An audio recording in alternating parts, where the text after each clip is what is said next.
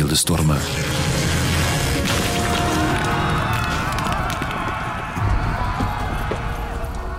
Welkom. In deze derde aflevering van Beeldenstormen sluit ik het hoofdstuk af over de beeldenstorm die in de zomer van 1566 door de Nederlanden raasde. In de maand augustus trokken de Calvinisten toen een spoor van vernieling langs kerken en kloosters. Van die openlijke opstand moet een grote dreiging zijn uitgegaan, zeker voor de toenmalige machthebbers, de zeer katholieke Habsburgers. Hoe hebben zij gereageerd op de beeldenstorm? Historica Violet Soen reconstrueert het hele verhaal vanaf de eerste ogenblikken. Als je een rondvraag zou doen, dan zou je um, van heel veel mensen horen dat zij weten dat uh, na de beeldenstorm Philips II heel hardhandig heeft gereageerd. En hoe deed hij dat? Door de hertog van Alva naar de Nederlanden te zenden op een strafexpeditie. En dat beeld van de ijzeren hertog, um, dat is op een of andere manier heel sterk in het collectieve geheugen blijven hangen. Maar we vergeten daarbij vaak dat uh, die hertog van Alva eigenlijk maar een jaar na de beeldenstorm in de Nederlanden aankwam.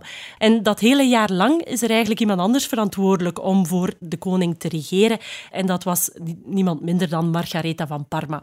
Zij was de halfzus van Philips II en was eigenlijk een bastaarddochter van keizer Karel V. Hij was ook de eerste die verantwoordelijk was om orde op zaken te stellen na de beeldenstorm. En dat doet ze met een plakkaat, een uh, beroemd plakkaat op 25 augustus 1566, dus een vijftiental dagen na de eerste daad van het iconoclasme in de Nederlanden.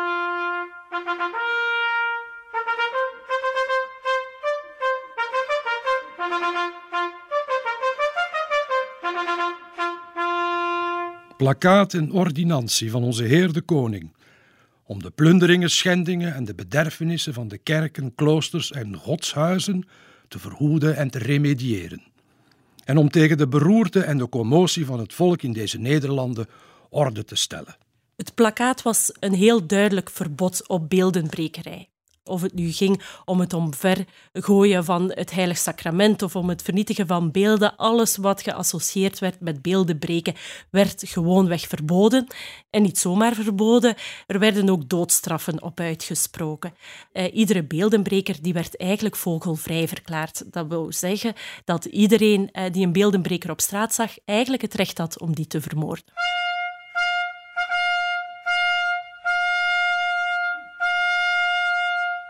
Ik vroeg Violet Soen of we ook iets weten over de persoonlijke reacties van de landvoogdes Margaretha van Parma en van de koning Philips II, die in Madrid resideerde.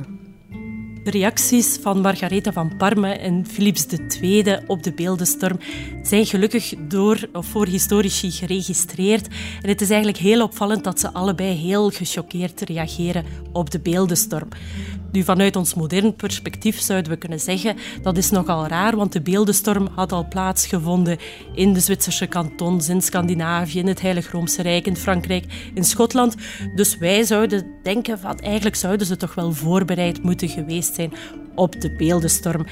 Maar dat was helemaal niet zo. Zij vonden dat zij de beste leerling van de katholieke klas waren, dat zij alles volgens de regeltjes hadden gedaan en waren totaal verbaasd dat er zoiets als een beeldenstorm ook in de Nederlanden plaatsvond. Bij Margaretha van Parma resulteert dat uh, oorspronkelijk in heel veel angst. Ze is heel erg bang. Ze is ook heel erg bang dat haar eigen kasteel, paleis in Brussel zal bestormd worden en ze wil vluchten. Maar de edellieden verhinderen haar dat te doen. Bij Philips II gaat het nog een stap verder. Daarvan weten we heel zeker dat op het moment dat hij het nieuws hoorde over de beeldenstorm, dat hij op slag ziek werd.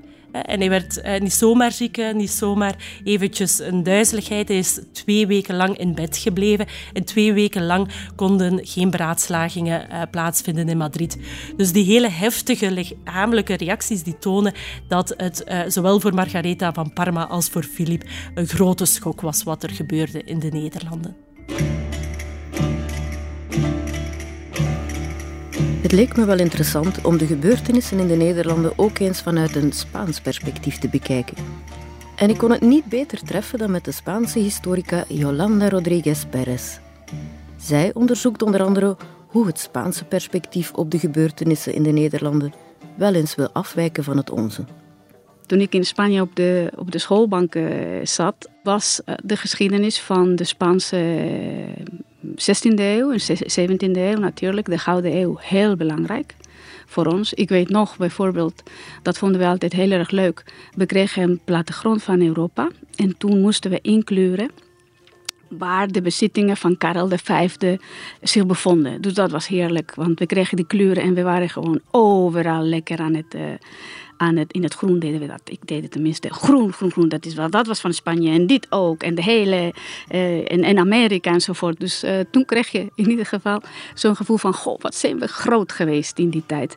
En de Nederlanden waren natuurlijk een deel daarvan. Die, die, die hebben we toen inderdaad heel mooi uh, ingekleurd. Hè, van ja, die gebieden, die waren ook van ons.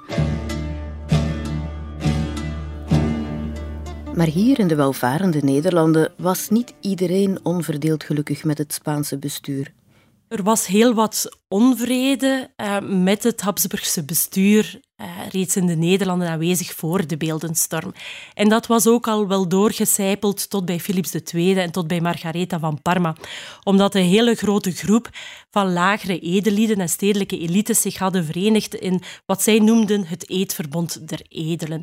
En dat eedverbond der edelen, edelen waren de belangrijkste personages in de toenmalige maatschappij, dat eedverbond der edelen vond eigenlijk dat de Habsburgers wat te streng aan het optreden waren tegen andersdenkenden en tegen protestanten. En die hadden een manifest geschreven, een, een smeekschrift, waarin ze vroegen aan de Habsburgers om um, de kettervervolging, om de vervolging van protestanten toch wat te verzachten. De koning is koning ten behoeve van zijn onderdanen, zonder wie hij er niet zou zijn. Het is zijn plicht ze naar recht en reden te besturen, zoals een herder zijn kudde. Zijn leven te wagen om ze te verdedigen. Doet hij dat niet, dan is hij geen koning, maar een dwingeland. Margaretha van Parma bevindt zich na het aanbieden van het smeekschrift ter edele eigenlijk in een bijzonder moeilijke positie. Langs de ene kant, de confrontatie met die edelen toont haar dat eigenlijk het belangrijkste deel van de bevolking um, niet achter haar beleid staat. Dus dat ze niet op die edelen kan rekenen. Langs de andere kant weet ze, als ze met het smeekschrift ter edelen naar de koning gaat, dat ze daar niet op uh, veel krediet kan rekenen. Want de koning die wil niet dat um, de ketterwetgeving verzacht wordt. Dus ze probeert te bemiddelen, zoals ze zo vaak doet in die dagen, door enerzijds te beloven aan de edelen dat er een zachtere wetgeving zal komen. En ze laat haar raden ook een, een heel specifiek voorstel daarover schrijven. Um, langs de andere kant bericht ze aan uh, Philips II hoe erg de situatie is en probeert ze ook daar hem losser te maken. Helaas voor Margaretha van Parma had haar bereidheid om een beetje soepeler op te treden niet het gewenste effect. De protestanten durfden nu meer van zich te laten horen en hun ongenoegen zou uiteindelijk leiden tot het bestormen van de kerken en kloosters. Zoals we in de eerste aflevering al zagen, waren die beeldenstormers vooral gewone arbeiders. Hoe gingen de edelen met deze escalatie van het geweld om? Want zij hadden natuurlijk wel gesmeekt om de protestanten wat meer vrijheid te gunnen. De beeldenstorm maakt dat de perceptie over het eedverbond der edelen volledig omslaat. Waar ze voordien eigenlijk als de goeden worden beschouwd, als degenen die durven tegen de Habsburgers op te treden, worden ze na de beeldenstorm wat gezien als de aanstokers van zoveel razernij, eh, oproerkraaiers die ervoor hebben gezorgd dat de beeldenstorm plaatsvindt. En de leiders van het eedverbond beseffen dat ze um, eigenlijk een einde moeten maken aan hun eedverbond als ze nog willen rekenen op krediet van de koning.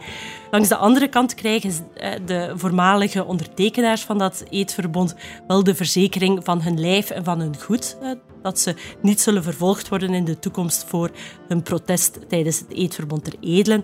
En er komt ook een hele eigenaardige clausule die zegt dat uh, hagepreken, dus preken van protestantse origine, mogen plaatsvinden op die plaatsen waar ze voor 23 augustus 1566 al plaatsvonden, maar dat dat voortaan zonder um, gewapende um, gardes uh, moet gebeuren. Dus dat voortaan die hagepreken, als ze al voordien plaatsvonden, dat ze alleen maar ongewapend mogen plaatsvinden. Al al lijkt Margaretha van Parma dus vrij mild op te treden tegen de hageprekers en tegen de edelen die zich hadden durven roeren tegen het gezag. Maar De prins Willem van Oranje interpreteerde de maatregelen die Margaretha van Parma had genomen na de beeldenstorm nogal erg vrij. Sommige edellieden, zoals de prins van Oranje, gaan ehm, die toestemming, die impliciete toestemming, ook gebruiken om eigenlijk hele vergaande toestemmingen te doen aan uh, protestanten. Waar het officiële verdrag met het Eedverbond ter Edelen spreekt over hagepreken alleen die toegestaan worden, zal de prins van Oranje bijvoorbeeld in Antwerpen toestaan dat protestanten uh, plaatsen krijgen voor een godsdienstbeoefening en dat ze ook mogen uh, religieuze godsdienstoefeningen doen. Dus dat is heel wat verder dan die hagepreken die toegestaan werden. Jolanda Rodriguez Perez vertelde me hoe er vanuit Spaans perspectief naar de figuur van de prins van Oranje werd gekeken. De prins van Oranje was natuurlijk een soort belichaming van het kwade vanuit het Spaans perspectief. Hij was degene die de andere edelen uit de Nederlanden heeft overtuigd om in opstand te komen. De oorlogskronieken zitten vol en, en bol met uh, negatieve opmerkingen over hem. Die te maken hebben bijvoorbeeld met zijn geloof, met het feit dat je geen idee had wat hij was van geloof. Dus een, uh, hij was Anabaptist en dan was hij Lutheraan en toen was hij Calvinist. Dus de, ja, hij deed er uh, maar een beetje uh, aan alles mee. En ehm, hij wordt natuurlijk ehm, ook heel erg zwart gemaakt door beschuldigingen die te maken hebben met zijn eigen belang. Dus dat hij helemaal niet geïnteresseerd was in het belang van, uh, van de Nederlanden of iets dergelijks. Dat hij ook bezig was met zijn eigen persoonlijke bezit te vermeerderen. En ehm, wat verschrikkelijk was in de ogen van de Spanjaarden was de, de, de ondankbaarheid die hij toonde tegenover Philips. Want uh, ik denk dat veel mensen dat beroemde schilderij kennen van op het moment dat Karel V afstand doet van de troon. En dan leunt, zoals we weten, uh, Karel V op de schouder van Willem van Oranje. En aan de andere kant zien we Philips. Dus hij is altijd de trouwe vassal van de koning van Spanje geweest. En dat wordt gerepresenteerd in de Spaanse bronnen als een soort van ja, de grootste ondankbaarheid en, en, en, en verraad die je kunt uh, vertonen tegen je rechtmatige heer. En daarom is Margaretha van Parma uiterst ontstemd over het gedrag, het eigen gereid gedrag van de prins van Oranje. En ze gaat hele felle brieven schrijven tegen hem ehm, naar haar halfbroer Philips II. Ik kan van hem niets goeds verwachten, omdat ik zo vaak het tegendeel heb gezien. In Antwerpen werden de kerken verwoest op het moment dat Oranje net de stad had verlaten, nadat hij er op eigen houtje en op basis van zijn eigen autoriteit heeft toegestaan dat de sectariërs drie plaatsen krijgen om heen te gaan en te bidden, en dat alles zonder me te consulteren. Hij beweerde dat dit nodig was om het gewone volk rustig te houden en om de handel te laten draaien. Ik heb hem gevraagd om dit verdrag terug te trekken, want ik wil het niet goedkeuren en ook niet afkondigen en ook helemaal niet aan Uwe Majesteit overbrengen. En hoe werd er in Spanje gereageerd op al deze onheilspellende berichten uit de Nederlanden? Intussen in Madrid vinden ook beraadslagingen plaats over de beste oplossing om uh, opnieuw de rust te herstellen in de Nederlanden. Uiteindelijk beslissen ze de hertog van Alva voorop te zenden met een leger om zo duidelijk het voorbeeld te stellen dat beeldenstormen niet kan. Alva, u gaat met een leger naar de Nederlanden en u krijgt onbeperkte volmacht de schuldigen zonder aanzien des persoons te straffen. Ik zal geen meelij hebben met Gods vijanden, maar mijn plicht doen tegenover God en tegenover u, majesteit. Mijn gezag als koning is getart en de godsdienst besmeurd de belangrijkste aanstokers. En daar uh, vinden ze dan ook dat de, de graaf van Egmond en de graaf van Hoorn bij horen. Die worden terechtgesteld. Er wordt ook een raad van beroerten opgericht. Uh, die beroerten die moeten gestraft worden.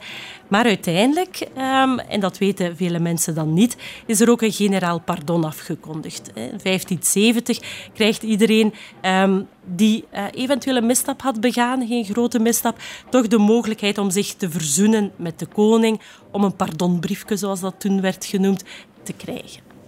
Maar de komst van de hertog van Alva betekende voor de Nederlanden toch in de eerste plaats een ferme koerswijziging tegenover het beleid van de landvoogdes Margaretha van Parma. Dus wanneer de hertog van Alva aankomt in de Nederlanden, betekent dat voor Margaretha van Parma eigenlijk een groot probleem. Alva staat aan het hoofd van de troepen, maar zij is landvoogdes. Ze voelt dat het tij zal keren en dat heel veel van haar toegevingen zullen teruggeschroefd worden. En ze besluit eigenlijk eh, haar ontslag in te dienen bij haar halfbroer, waardoor de hertog van Alva onvoorzien ook landvoogd wordt. De Nederlanden zijn in staat van oproer verklaard. De rechtbanken wordt verboden recht te spreken over degenen die lid zijn geweest van het Verbond van Edelen of betrokken waren bij de opstand. U kunt de rechtbanken dat recht niet ontnemen, dat is onwettig. Er zal een speciale rechtbank worden ingesteld die de Raad van Beroerten zal heten. De rechters zullen zich hier met hand en tand tegen verzetten. Dan zullen zij merken, madame, dat ik een koppig man ben... die gewend is zijn eigen weg te gaan. Ik wil de haat die door deze maatregel wordt gewekt wel op mij nemen. Ik denk dat de meeste Spanjaarden een idee hebben van de hertog van Alva was uh, een, een, grote militair en een veldheer die, die grote prestaties heeft geleverd in, in het verleden. De vrede kant van zijn persoon, of de, de, inderdaad van het harde optreden in de Nederlanden, daar uh, zijn Spanjaarden uh, zich wel van bewust. Want mensen weten dat hij een slechte reputatie had. Maar alles wordt een beetje in het perspectief geplaatst van... Uh, natuurlijk, er waren andere tijden en je moet... ja, af en toe moet je doortastend zijn. Alva, de ijzeren hertog kwam met een leger van 10.000 manschappen om de opstand in de Nederlanden te fnuiken. Bijna 9000 mensen werden gearresteerd en moesten voor de Raad van Beroerte verschijnen. Meer dan duizend mensen werden ter dood veroordeeld, meer dan 10.000 mensen werden verbannen. De hertog van Alva voerde zijn opdracht met een ijzeren discipline uit, maar volgens Yolanda Rodriguez Perez had de hertog van Alva er eigenlijk niet veel zin in men moet bedenken dat toen hij naar de Nederlanden gestuurd werd, was hij de 60 gepasseerd. Hij wilde in godsnaam met pensioen. Hij was eraan toe. Hij had het helemaal gehad. Allerlei belangrijke acties heeft hij overal uh, uitgevoerd. En uh, toen kwam Philips met het idee van, nou, nou, je moet toch naar de Nederlanden gaan. Je moet de, de, de bewoners van die opstandige gebieden, zogezegd, pacificeren. Zijn manier van pacificeren uh, kun je inderdaad een beetje aantekeningen bijzetten, natuurlijk. Maar uh, hij had gedaan wat, wat van hem verwacht werd. Hoe kon het dat de prins Willem van Oranje niet in handen was gevallen van Alva? Want hij moet toch bovenaan de zwarte lijst van Alva hebben gestaan. De prins van Oranje krijgt heel veel tegenwind nadat hij zoveel toegevingen aan de protestanten heeft gedaan. Wanneer hij hoort dat Alva naar de Nederlanden zal komen, zal hij eigenlijk het ontslag aandienen uit zijn functies. En ehm, hij beweert op bezoek te gaan bij zijn familieleden in het Heilig Roomse Rijk. Achteraf gezien, maar dat kunnen we alleen maar achteraf zeggen, was dat misschien wel de beste beslissing, want zo is hij inderdaad het lot van Egmond en Hoorn ontlopen en is hij zelf niet uh, geëxecuteerd op de Brusselse Grote Markt. En zo begon er een volgende episode. De prins van Oranje die wordt openlijk rebel tegen de macht van Philips II en zal ook met heel veel medestanders het gezag van Philips II steeds meer in vraag stellen. En na het verloop van een hele tijd zien we dat de prins van Oranje erin slaagt een echte uh, opstand te ontketenen in de Nederlanden die uiteindelijk zal leiden tot de scheiding tussen Noord en Zuid. En de, de Guerras de Flanders, zoals we noemen uh, in het Spaans de periode van de uh, Nederlandse opstand en de 80-jarige oorlog, was ook een heel belangrijke periode voor ons. Maar wat wel opvallend is, is dat we in ieder geval, volgens mij, is het me toen niet bijgebleven dat we uh, zogezegd de oorlog uh, verloren hebben. Dus uh, daar is er een soort ja, gemeenschappelijke amnesie. waardoor ik en mijn medestudenten gewoon dachten, nou ja, hoe is het eigenlijk afgelopen?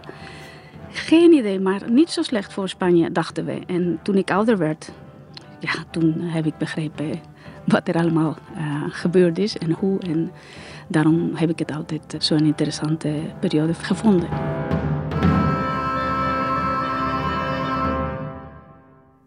Een interessante periode, dat zeker. Daarom wilde ik er ook graag drie afleveringen van Beeldenstormen aanwijden. U hoorde historica Violet Soen en historica Yolanda Rodriguez Perez. In de volgende aflevering duik ik nog wat verder de geschiedenis in, want lang voor de beeldenstorm in de Nederlanden vond er al een eerste grote beeldenstorm plaats in het oude Byzantium in de 8e eeuw na Christus.